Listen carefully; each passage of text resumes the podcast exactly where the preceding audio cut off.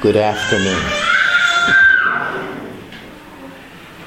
I need to read the first sentence of my paper.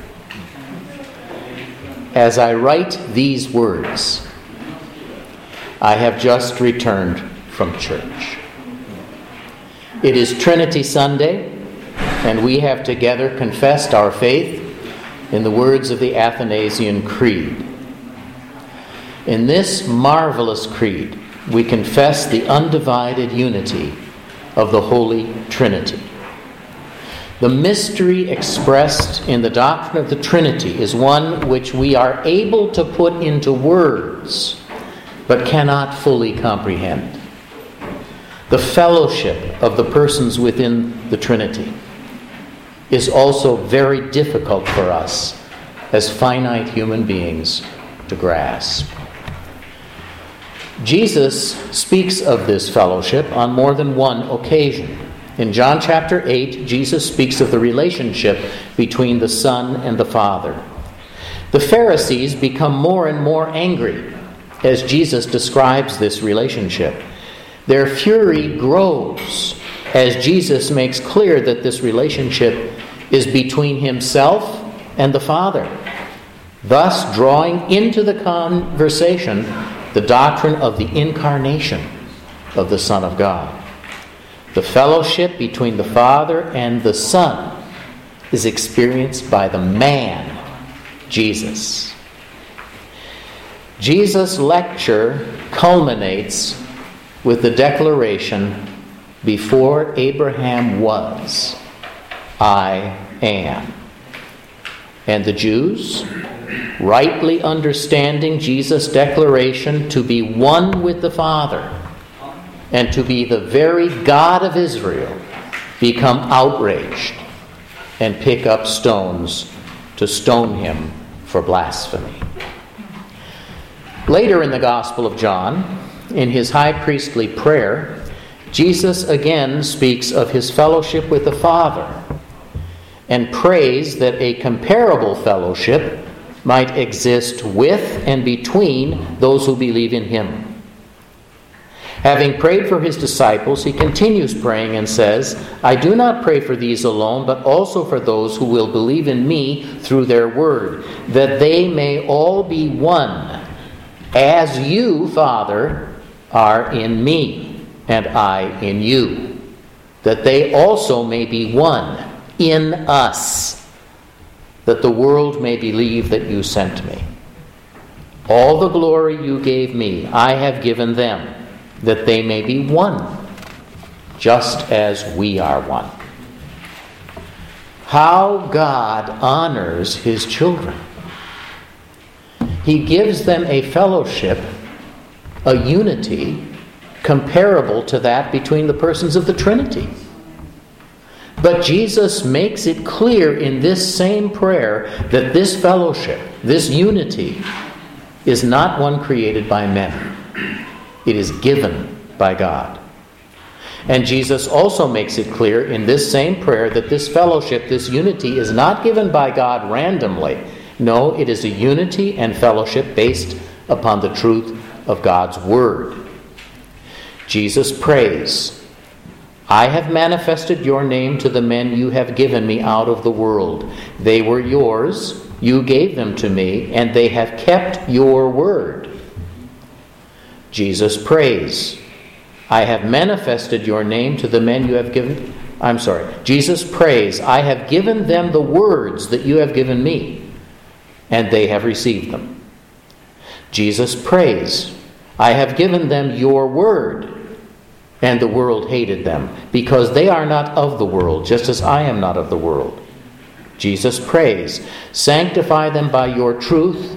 Your word is truth. Jesus prays, For their sakes I sanctify myself, that they also may be sanctified by the truth. The fellowship which we have as Christians is not based on a sense of solidarity between like minded people. It is not based on a human decision to associate with people of similar ideas. It is based on belief in the truth specifically the truth of God's Word. For that reason, historically, in the Christian church, people have declared fellowship with each other, church fellowship, when it has become clear that they are in agreement with each other under the truth of God's Word. They have broken fellowship when it has become clear that they are no longer in agreement under the truth of God's Word. The Augsburg Confession declares it is sufficient for the true unity of the Christian church that the gospel be preached in conformity with a pure understanding of it, and that the sacraments be administered in accordance with the divine word. The formula of Concord expands on this concept. We believe, teach, and confess that no church should condemn another because it has fewer or more external ceremonies not commanded by God, as long as there is mutual agreement in doctrine and in all its articles, as well as in the right use of the holy sacraments. Our Lutheran confessions describe the way in which Lutherans have historically considered the matter of church fellowship. Fellowship is established and declared always on the basis of the truth of God's Word. This approach to fellowship has always been a hallmark of the Lutheran Church Missouri Synod. And perhaps a little history of religion in the United States will assist in demonstrating why the matter of church fellowship has been so important in the life of the Lutheran Church Missouri Synod in particular and American Christianity in general. Uh, I have noticed in my times in Scandinavia uh, that there is not nearly as much of a focus on the practice and doctrine of church fellowship in the Lutheran churches here as there has been in the Lutheran churches in America. And there are historic reasons for that, that I hope you'll understand a little bit better uh, when I have finished today. It is generally believed that most of the immigrants to the United States in its early history went to the U.S. in order to experience freedom of what? Religion. Religion. Yes, that's generally believed. And it's true. They went in order that they might have religious freedom, but not necessarily in order that others might have it. Okay? They were not necessarily open minded. They wanted religious freedom, yes, but not necessarily others, for others. So, before the U.S. Constitution was adopted, and before the Revolutionary War, six of the 13 states had some type of established church. So, just as there is a Church of Norway, these states had established churches. 11 of the 13 states had a religious test for holding office. For example, most of them required a belief in the deity of Jesus, or you could not hold office. Thus, the founders of the United States were overwhelmingly Christian in their confession, but they were not by any, any means all members of the same church body. When the delegates came together in the convention that led to the writing of the Constitution, all of the delegates, other than Benjamin Franklin, who was a deist, belonged to a Christian denomination. 30 were Episcopalian, 16 were Presbyterian, 8 were Congregationalist, there were three Quakers, two Catholics, two Methodists, two Lutherans, and two Dutch Reformed, and one self professed deist. That was Benjamin Franklin. Many of the states limited the holding of office to Protestant Christians.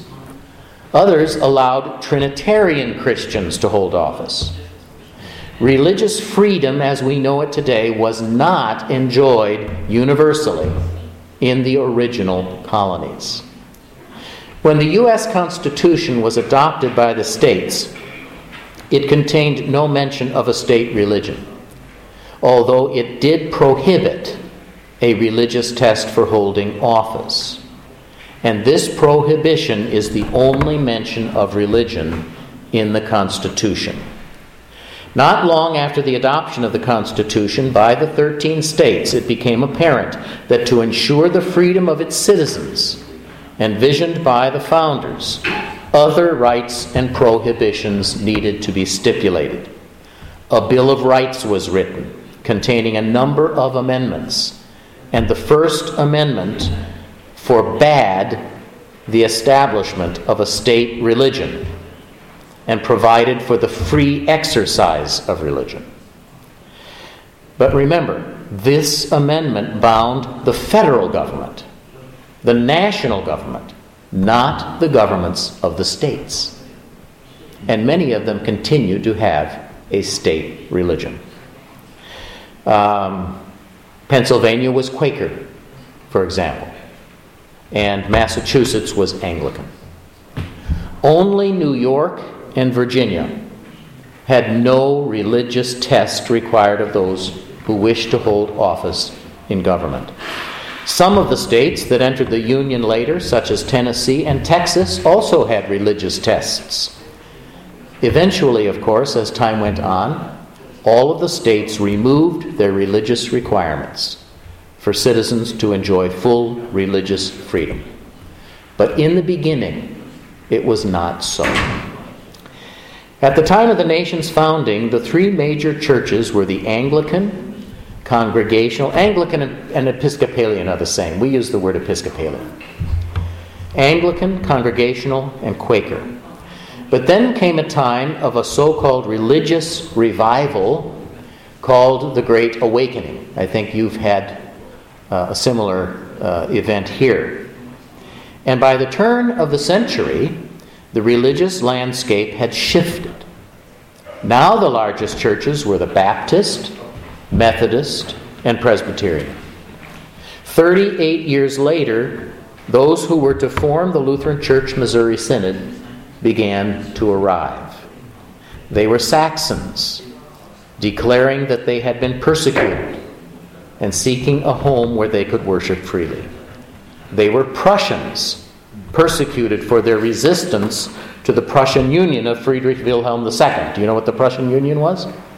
Where Friedrich II, Friedrich Wilhelm II, forced the uh, Reformed and the Lutherans to share pulpits and altars, and they resisted that, and they were persecuted. Pastors were put in prison and defrocked. Farmers who uh, provided for private services would have their farms confiscated. They were truly persecuted and they came to the United States for religious freedom.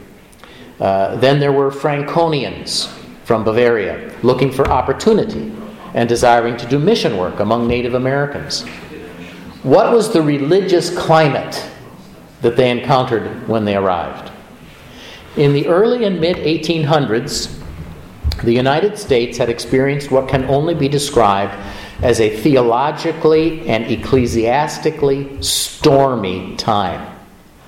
During the Second Great Awakening, many of the more traditional church bodies had experienced great numeric losses to a wave of new cults and movements. Just a comment here we, we had two revival movements within a 75 year period of time, two major revival movements. Uh, in some parts of the country, the revivals were so common, so frequent, uh, that in New York, for example, uh, they called one area of it the burned over district because of all the revivals. Anyway, having cast off the shackles of British monarchical rule, an independent spirit filled with the exhilaration of democratic freedom had led many to embrace religious movements and figures which called into question and redefined the traditional theology and practice of American denominations. So, the same kind of freedom that they had found politically, they now wanted to find also in the church. The nature of the church, church polity, relationship between clergy and laity, the proper methods for mission work, the form of worship, the liturgy, ecclesiastical authority, all areas of the church's life which formerly had been stable were called into question. It is probably not too strong to say that our nation underwent a second revolution. A revolution defining or formulating the shape which much of American Christianity and religious life would take from that time onward. Nor was this revolutionary spirit confined to the practice of the church.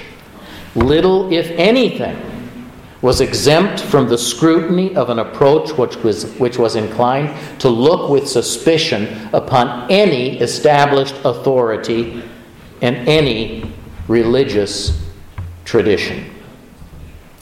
According to Notre Dame professor Nathan Hatch, and I quote, this stringent populist challenge to the religious establishment included violent anti clericalism, flaunting of conventional religious deportment, a disdain for the arguing of theologians, an assault on tradition, and an assertion that common people were more sensitive than elites to the way of the divine. Unquote. The common people were challenged to, quote, take religious destiny into their own hands, to think for themselves, to oppose centralized authority and the elevation of the clergy as a separate order, to trust their own religious impulses. Unquote. Consider how contemporary the following description of American religious life in the 1800s sounds to our ears today. Now, maybe it won't to your ears in Norway, but what I'm about to read you sounds just like America in the 21st century, and it's describing it in the 1800s. And I'm quoting The splintering of American Protestantism compounded the sense of rootlessness and fragmentation particularly for a devout Christian. The first third of the 19th century experienced a period of religious ferment, chaos, and originality unmatched in American history. Few traditional claims to religious authority could weather such a relentless beating. There were competing claims of old denominations and a host of new ones. Wandering prophets appeared dramatically, and supremely heterodox religious movements gained followings. People veered from one church to another. The flexibility and innovation of religious organizations made it possible for an American to find an amenable group no matter what his or her preference in belief, practice, or institutional structure. Churches ranged from egalitarian to autocratic and included all degrees of organizational complexity.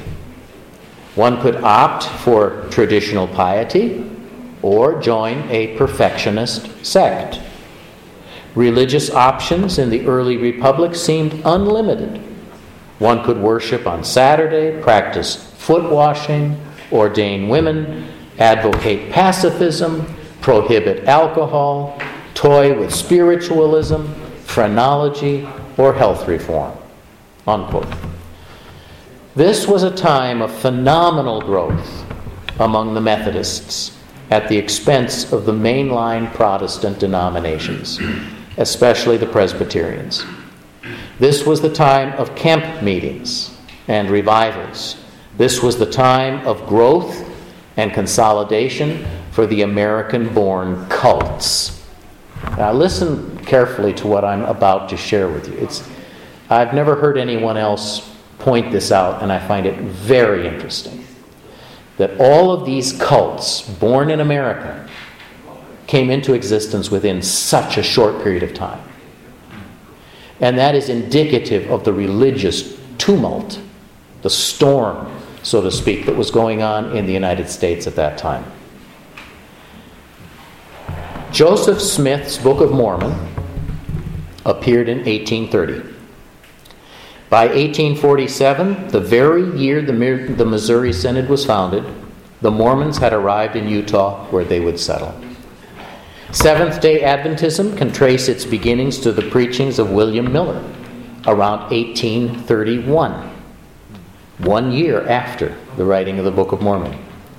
Ellen White's Christian Science appeared in the religious, on the religious horizon a few decades later, around 1870. The Jehovah's Witnesses, founded by Charles Taze Russell, came into being about four years later. It's really amazing to see all of these cults being founded within a 40 year period, indicative of what was going on uh, at that time. It was a time when religious dissenters confounded the establishment with an approach to theological matters that was nothing short of guerrilla warfare. And it was during this time that the early members of the Missouri Synod arrived on American soil and founded our church.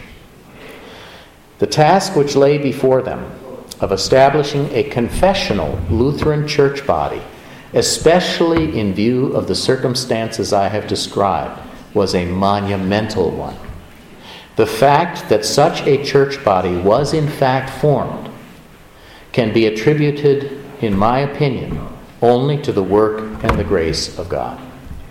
Consider, for example, the events which took place in Missouri, in St. Louis and Perry County, that's uh, southern Missouri, shortly after the Saxons arrived.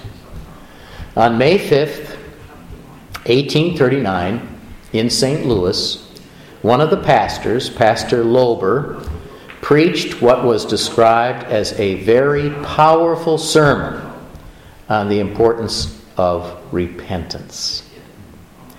On that same day, two women came to him, each at a different time, without the knowledge of the other one's coming, to confess that they had been guilty of adultery with their bishop, Pastor Martin Stephan the one who had led all of them from Saxony to their new home.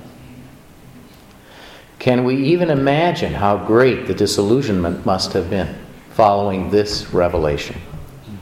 The emigration had been difficult enough, involving the sale of their homes, departure from friends and families in Saxony, the criticism and ridicule which they had experienced for their decision to leave, then came the voyage, which took anywhere from 43 to 62 days, depending on the ship they were on, accompanied by sickness, a number of deaths, and even the loss of one of the ships, the Amalia, which was never heard from again. In New Orleans, before the trip by river up to St. Louis, some of the members of their society defected from the company and were never seen again. Then, following their arrival in St. Louis, mismanagement of funds by Stephan became apparent, as well as extravagant expenditures by him. He had a very well stocked wine cellar, for example, had the best wines you could get. Then there were housing difficulties in St. Louis, the search for affordable land where they could settle uh, with dwindling funds and the lack of available housing in the land which they finally purchased. All of these difficulties served to demoralize and discourage them, and then to top it all off, they discovered the infidelity of their pastor. A young pastor named C.F.W. Walther was dispatched from St. Louis to Perry County, where the Saxons had settled, to deal with the situation. And the result was that Martin Stephan was banished from their community and told never to return. Uh, actually, he was rowed in a boat across the Mississippi River from Missouri to the state of Illinois and was informed by his members never to return to Missouri again. Wouldn't it be nice if we could do it that way today?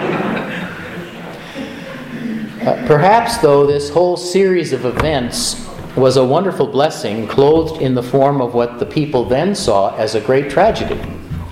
Because what happened as a result of Stephan's deposal was that the episcopal polity which he had imposed on the church already on the ship during their voyage to America was set aside, and this small Saxon community was forced, so to speak, to deal with questions regarding their Lutheran identity and the validity of their church. questions that dealt primarily with the doctrine of church and ministry. These poor people were asking themselves whether they could be a church at all, since they no longer had a bishop. And did they have the right to call their own pastors? The great physical suffering which they had experienced seemed in the minds of many of them to underscore the futility of everything they had done in leaving their homes in Saxony and coming to the United States of America. And this certainty, joined with the chaotic religious scene in American religion, made the situation ripe for failure. It would not have been surprising at all had the venture fallen apart completely its members drifting slowly, one by one, to the various denominations surrounding them in their new home. But this did not happen. God had other plans. When the Saxons arrived in Perry County, and here I quote, the older synodical Lutheran bodies of the East, the Lutheran bodies in the East, reflected the religious and social practices of other Protestants of the time. The practice of revivalism and protracted meetings was carried over from year, earlier years and intensified. The new measures, typical of the holiness groups and the Methodists, had been adopted to a great extent by the Lutherans in the East. The temptation and the opportunity were certainly present among the Saxons to imitate the practice of the already established American Lutheran denominations. But as indicated before, it may well have been a blessing in disguise when, because of Stephan's deposal, the Saxons were required to deal not with the question, how can we be Lutherans in America, but how can we be members of an Orthodox Lutheran congregation at all? So the emphasis went away from America to the essence of the church forced to deal with questions such as what is the church and how does the church provide herself with pastors, their attention became focused on theological rather than on cultural questions. So, as I indicated before, I think it was a blessing in disguise when the founders of the Lutheran Church Missouri Synod were led to define their identity not according to American religious culture or, the, or setting, they could have chosen, they had choices. They could have chosen between the Lutheranism of the General Synod, which was more liberal, or the Lutheranism of the General Council, which was more conservative. Instead, perhaps due to language barriers somewhat, they almost ignored the history of American Lutheranism entirely and focused on the writings of Luther and the Lutheran confessions to determine what it meant to be Lutheran and how their Lutheran church would be formed. Since that time, the Missouri Synod has been committed to a theology that is based on Scripture and the Lutheran confessions, which are a faithful exposition of the Scriptures. But our history has not been uneventful and without challenge. In the 1960s and 1970s, the Missouri Synod went through an extremely difficult and dangerous time. The historical critical method that had made great inroads into most of the mainline Protestant churches in America, including the American Lutheran Church and the Lutheran Church in America, had also invaded the Missouri Synod and was having a great impact at our St. Louis Seminary. I can't take the time today to give a lengthy explanation of the historical critical method. Suffice it to say that it was a rationalistic approach to the Bible that subjected it to human reason as it would any other book. The Bible was no longer seen as the revelation of God, but as the religious views of men subject to error and to incorrect worldviews of their own time. Thus, the duty of the biblical critic was to separate that which was authentic truth for Christians today from the mythical. Some of the professors at the St. Louis Seminary claimed that they used the historical critical method with Lutheran presuppositions. Have you heard that here? Use the historical critical method with Lutheran presuppositions? Professor Kurt Marquart demonstrates very well that such use is not possible. Here's what he says The historical critical method arose out of the rationalistic Enlightenment and differs from traditional biblical scholarship in that it insists on treating the Bible not as an unquestioned authority, but as one ancient book among others. All biblical statements are therefore open to challenge before the court of sovereign human reason. This means that the critic and his reason are judge and jury, while the Bible, like all other ancient documents, is on trial, whether as defendant or as witness. For even as a witness, its credibility depends entirely on the findings of the critical court. This situation, of course, represents a complete reversal of the classic roles of reason and scripture in Lutheran theology. Under the new critical regime, reason is master and scripture is servant, whereas formerly it was the other way around. For this reason alone, using the historical critical method with Lutheran presuppositions is as futile and absurd an undertaking as eating ham with Jewish presuppositions. Many of the professors at Concordia Seminary had swallowed the historical critical method hook, line, and sinker. Do you have that expression in Norway? You go fishing, they, the, the fish didn't just swallow the hook, he swallowed the hook and the sinker and the line. so they had swallowed everything. And the result was a denial, especially by some of the teachers in the exegetical department, of certain biblical teachings and many biblical events. As the knowledge of this unbiblical teaching began to be known in the church, many pastors and laypeople became alarmed, and a true war developed in the Lutheran Church Missouri Synod. Not a physical war, but a theological war, uh, and it was focusing on the authority of Scripture. In the early 1970s, the battle for the Bible was raging, and the Missouri Synod president at that time, uh, Dr. J.A.O. Preus, happened to be my uncle, appointed an investigative team to report on what was being taught at our St. Louis seminary. In September of 1972, the results of that investigation were published in the form of a report to the church entitled The Report of the Synodical President to the Lutheran Church Missouri Synod. But it was popularly known as the Blue Book. You want to guess why? It was blue. A cursory reading of the Blue Book, which was 160 uh, pages, single space pages, pages this size, uh, will reveal that the overwhelming focus of attention was upon the doctrine of Scripture. The Bible, the, I'm sorry, the Blue Book was a bombshell, not just for those whose views it condemned, but for the entire complacent crowd of Missouri Synod members who had refused to believe that there were any problems at the St. Louis Seminary. The issue at the heart of the entire controversy was the extent to which Scripture could be considered and accepted as the Word of God. And it all centered around the historical critical method and whether or not it could properly be used by Lutheran theologians.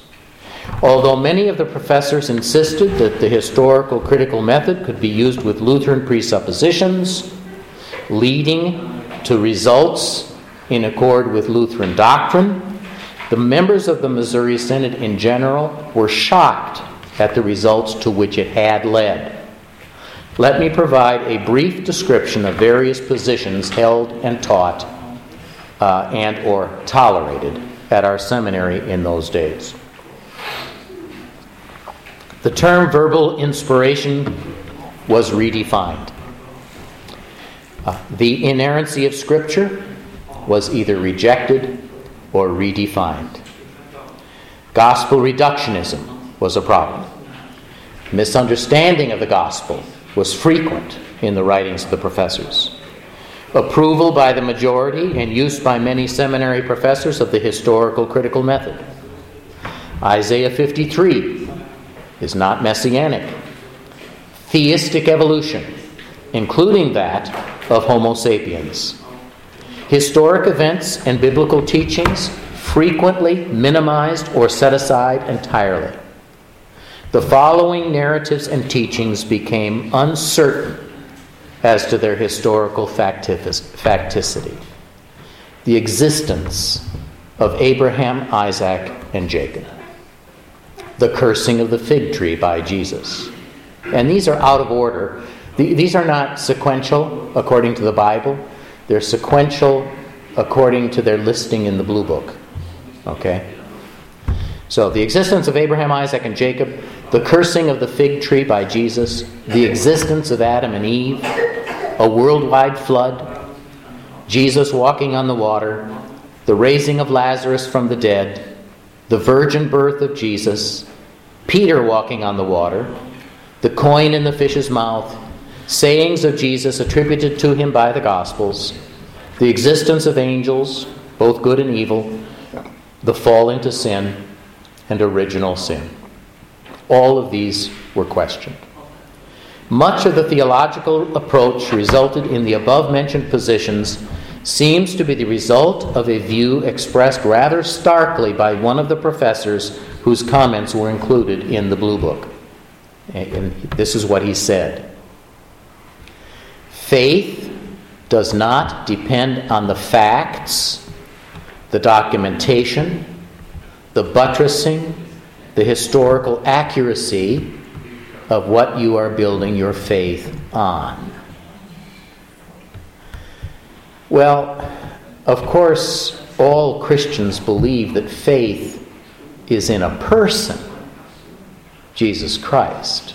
Our faith is not in the facts per se, but in the person. However, the willingness to see faith as valid, even when apart from the historical accounts of the Bible, as we understand it, is not consistent with Orthodox Christianity. In 1973, some months following the release of the Blue Book, the Missouri Synod, meeting in convention in New Orleans, adopted Resolution 309, quoting from the Formula of Concord, concluding that many of the views then held by seminary professors were, quote, not to be tolerated in the Church of God, much less be excused and defended. Unquote. I imagine Resolution 309 may well be the most important resolution ever to be passed by a Missouri Synod Convention. In my opinion, it truly was a watershed resolution. It indicated the course which Missouri would follow in dealing with the faculty majority at the seminary. By passing Resolution 309, the members of the Lutheran Church Missouri Synod gave notice that God's people would not put up with the false doctrine of its seminary professors. Not too long after this synodical convention, in January of 1974, the St. Louis Seminary president, Dr. John Tietjen, was suspended from office by the Seminary Board of Control for teaching false doctrine and permitting false doctrine to be taught at the seminary. In, his in response to his suspension, events moved along pretty quickly. The student body majority, within a few days, declared a moratorium on attending classes. The faculty majority informed the Board of Control that they would not teach until Dr. Tietjen was reinstated. The Board of Control issued an ultimatum to the faculty majority, informing them that if they did not return to class by a certain date, they would be dismissed. All of this happened within just a few weeks. The faculty did not return, and they were dismissed. The events that led to the suspension of John Tietjen and the events that followed became known as the walkout the majority faculty and the majority of the students walked out. 45 professors out of 50,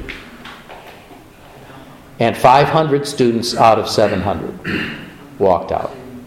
Eventually, they established what they called a seminary in exile, or Seminex for short. And most of the students who walked out attended this new seminary.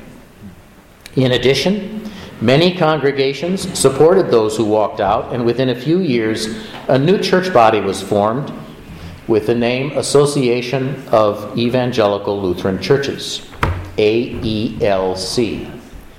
The Missouri Synod lost over 250,000 members to this new church body. But the Exodus effectively ended the battle for the Bible in the Lutheran Church Missouri Synod. Then on January 1, 1988, the AELC joined with the American Lutheran Church and the Lutheran Church in America to create the Evangelical Lutheran Church in America, the ELCA, which is the large Lutheran church in America today. Prior to this merger, the American Lutheran Church and the Lutheran Church in America had already gone far beyond the faculty majority at the St. Louis Seminary, if you can imagine that, in embracing the historical critical method and its conclusions. And although there were certainly faithful Lutherans in both these church bodies, there was no general uprising or organized opposition to the new teachings being introduced into these churches. Why do things happen the way they do? I really don't know. But what happened in the Missouri Synod just did not happen in the ALC and the LCA.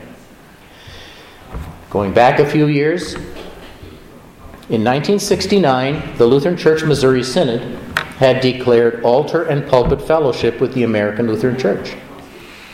After many years of discussions, the majority believed that we actually did have a doctrinal agreement that, uh, that would allow for this declaration. But already in 1979, only 10 years later, the Missouri Synod in Convention moved to, to dissolve that fellowship in view of the direction over against Scripture that the ALC was pursuing. The most obvious action taken by the ALC to indicate its departure from historical Lutheranism was its decision to ordain women to the pastoral office. Today, as we look at Lutheranism within the United States, it appears that the two largest Lutheran church bodies are drifting farther and farther apart. Permit me to summarize some of the major differences and then to make some observations. The first major difference is our approach to Scripture. I'm not going to spend a lot of time like this because I already have. Um, let me just state briefly that the Lutheran Church Missouri Synod is committed to the inerrancy of Scripture. The ELCA is not. As a result, its professors are permitted to teach that the Bible has errors, and there is hardly a biblical teaching that is not contested in ELCA seminaries. Resurrection of Jesus, for example, Jesus' deity, all of these things are called into question in ELCA seminaries. The second major difference is our approach to the Lutheran confessions, the Book of Concord. The Missouri Synod accepts the Lutheran confessions, that is, all the symbolical writings, not just the Augsburg Confession and the small catechism like here in Norway, but also the Apology to the Augsburg Confession, the Smalcald articles, treatise on the power and primacy of the Pope, um, large catechism, and the Formula of Concord. We accept all of these with what we call a quia subscription. The word quia is Latin, and it means because. We accept the Lutheran confessions because they are a faithful exposition of the Scriptures. Article 2 of our Constitution puts it this way The Synod and every member of the Synod accepts without reservation all the symbolical books of the Evangelical Lutheran Church as a true and unadulterated statement and exposition of the Word of God. The ELCA accepts the Lutheran confessions with a quatenus subscription. Quatenus is the Latin word for insofar as. They accept the Lutheran confessions insofar as they agree with Scripture. Their constitution has a relatively weak endorsement of our Lutheran confessions, but in actuality, the Lutheran confessions play only a minor role in the public life and proclamation of the ELCA. And I would point out that a subscription, insofar as, is hardly a subscription at all. I can subscribe to the Book of Mormon insofar as it is in agreement with the Scriptures. Or I can subscribe to the Yellow Pages insofar as they are in agreement with the Scriptures. This is no subscription at all. This permits the person reading to just take what they want and throw the rest out. A third major difference between us would involve the entire approach to church fellowship. In the Missouri Synod, church fellowship is declared with other church bodies when it has been determined that we are in doctrinal agreement on all the chief articles of the faith. This is no longer the case in the ELCA. Uh, there is no question as to what church fellowship meant in the early church. And here I quote from Werner Elert, an acknowledged authority on the practice of the Lord's Supper in the early church. He says this Participation in the Holy Communion in every case completes the reception into church fellowship. No church fellowship, no altar fellowship. The only exception is the deathbed. Church fellowship in the early Christian church, according to Elert, is always also communion fellowship. And he makes it very clear that in the practice uh, of the early church, altar and pulpit belong together. So heretics who preach from the pulpit were absolutely excluded from the sacrament in Orthodox congregations, as were members of heterodox congregations. In contrast, in recent years, the ELCA has decided in convention to establish and declare altar and pulpit fellowship with the Episcopal Church, the Presbyterian Church USA, the Reformed Church in America, the United Church of Christ, the Moravian Church, and the United Methodist Church. These decisions not only demonstrate that the ELCA has forfeited its desire to remain Lutheran, they also suggest that the ELCA is no longer operating with the same understanding of the concept of truth that has guided Lutheran churches since the time of the Reformation. It certainly demonstrates that the ELCA no longer holds to the historic practice of church fellowship that has been characteristic of the Lutheran Church since the time of the Reformation. What time am I supposed to end here? What time does the next session begin? Five. Quarter to five. Quarter to five. Okay. So, Inge, I'm going to have to eliminate some of this. Um, some of it I covered a little bit yesterday, so I think I can do that.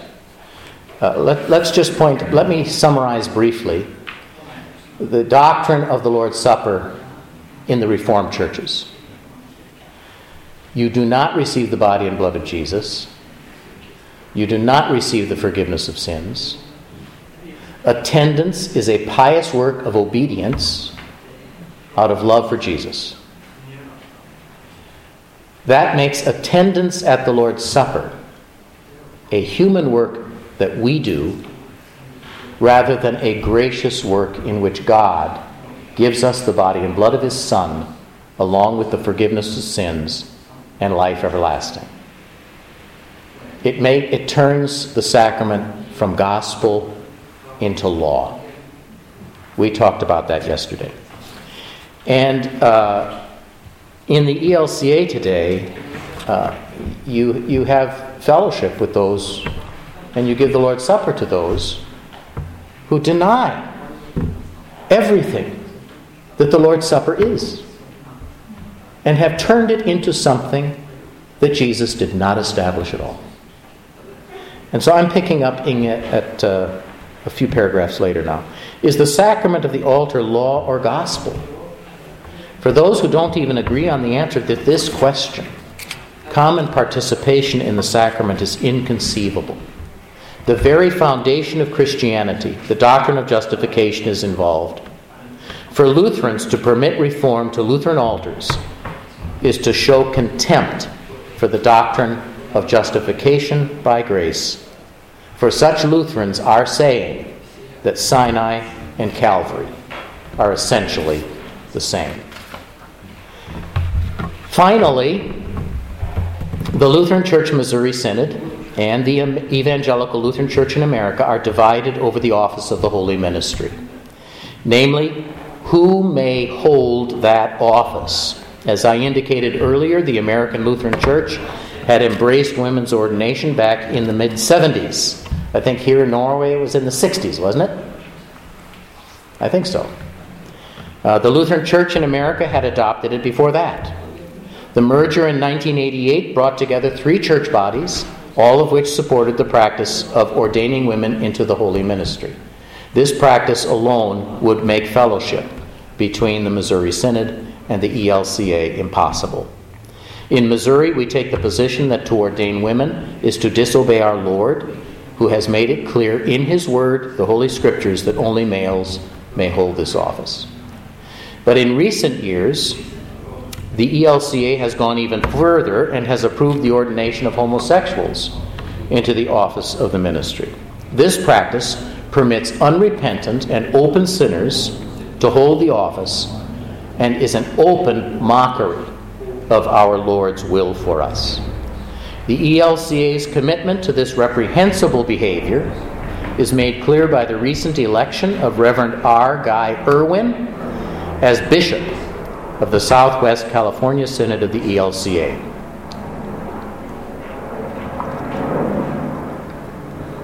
His election took place on May 31 of this year. According to Emily Eastwood, Executive Director of Reconciling Works, an arm of the ELCA that has been promoting the ordination of homosexuals for many years, she says, One of our own has been chosen not in spite of being gay, but because he is truly gifted and skilled for the office.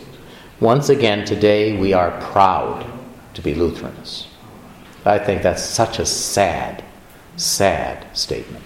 Proud to be Lutherans because we have successfully defied the will of God. As I said earlier, the two largest Lutheran church bodies in the United States are drifting farther and farther apart. We differ on the doctrine of the ministry. We differ on who ought to be receiving the sacraments. We differ on whether it is contrary to the Bible to teach evolution, a teaching which clearly impinges on the doctrine of original sin. We differ on whether or not it is permissible for professors to deny the deity of Jesus, or the resurrection of Jesus, or the Trinity, in order to remain in good standing in our church body.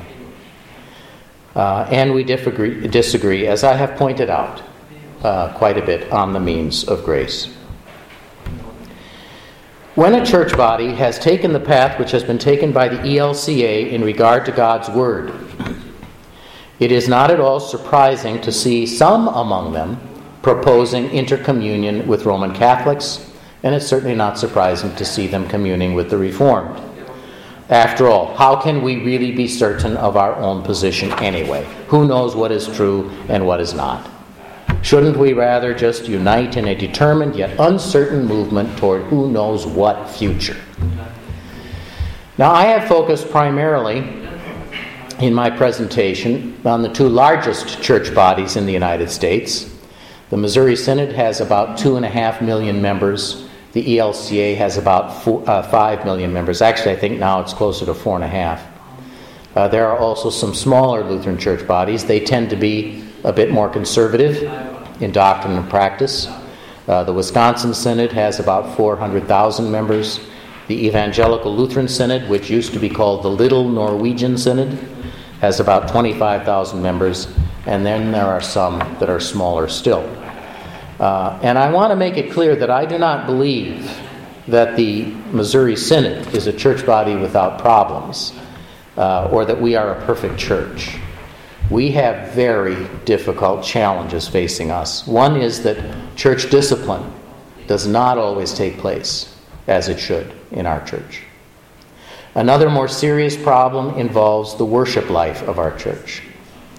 Many congregations have begun to use what is commonly called among us uh, contemporary worship And although we do not wish to be a legalistic church body that uh, tells congregations what they may and may not do when it comes to worship, it simply is true that this matter is dividing our churches from each other.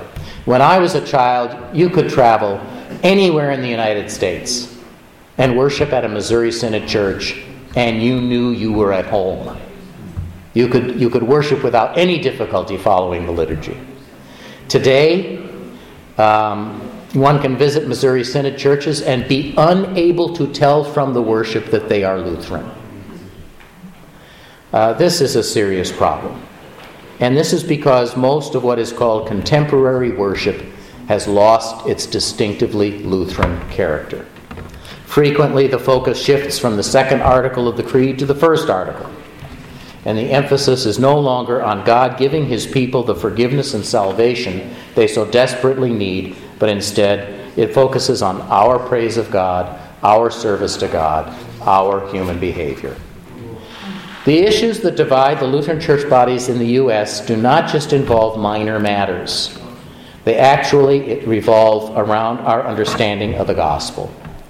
This is not surprising because Satan's attacks on the church are always meant to attack faith, and faith lives from the gospel. Attacks on Scripture and its reliability cause doubt about its ability to bring us a message about God that we can trust and faith is undermined. A communion policy that permits all to come, even those who deny that in the sacrament of the altar forgiveness is given, is clearly an attack on the gospel, since it deprives the communicant of the grace by which he lives before God. The ordination of homosexuals is an assault on God's law, and the consequence is an antinomian spirit that recognizes no need for grace and forgiveness and the gospel is lost. Worship, which loses its Christocentric focus, also loses its ability to lead people to the only one who can help them. Before I close, I'd like to make clear that although Lutheranism in the United States faces great difficulties and challenges, there are also wonderful opportunities for a church like the Lutheran Church Missouri Synod with a biblical Lutheran theology. Because of decisions made by the more liberal Lutheran churches around the world, many churches are beginning to look more closely at the Missouri Synod as a possible church partner, precisely because of her more conservative, traditionally Lutheran theology.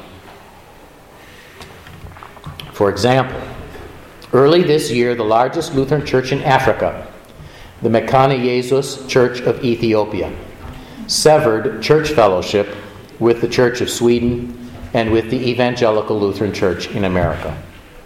Although these churches have had strong historic ties with each other for many years, Mekane Yesus could not live with the decisions of these churches to ordain practicing homosexuals into the ministry of word and sacrament.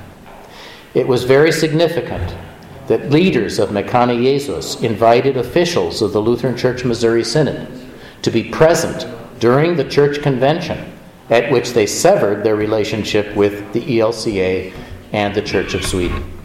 Mekane Yesus has now asked the Missouri Synod to assist them in the training of pastors at their seminaries, and we have arranged to send a missionary to Ethiopia for that purpose.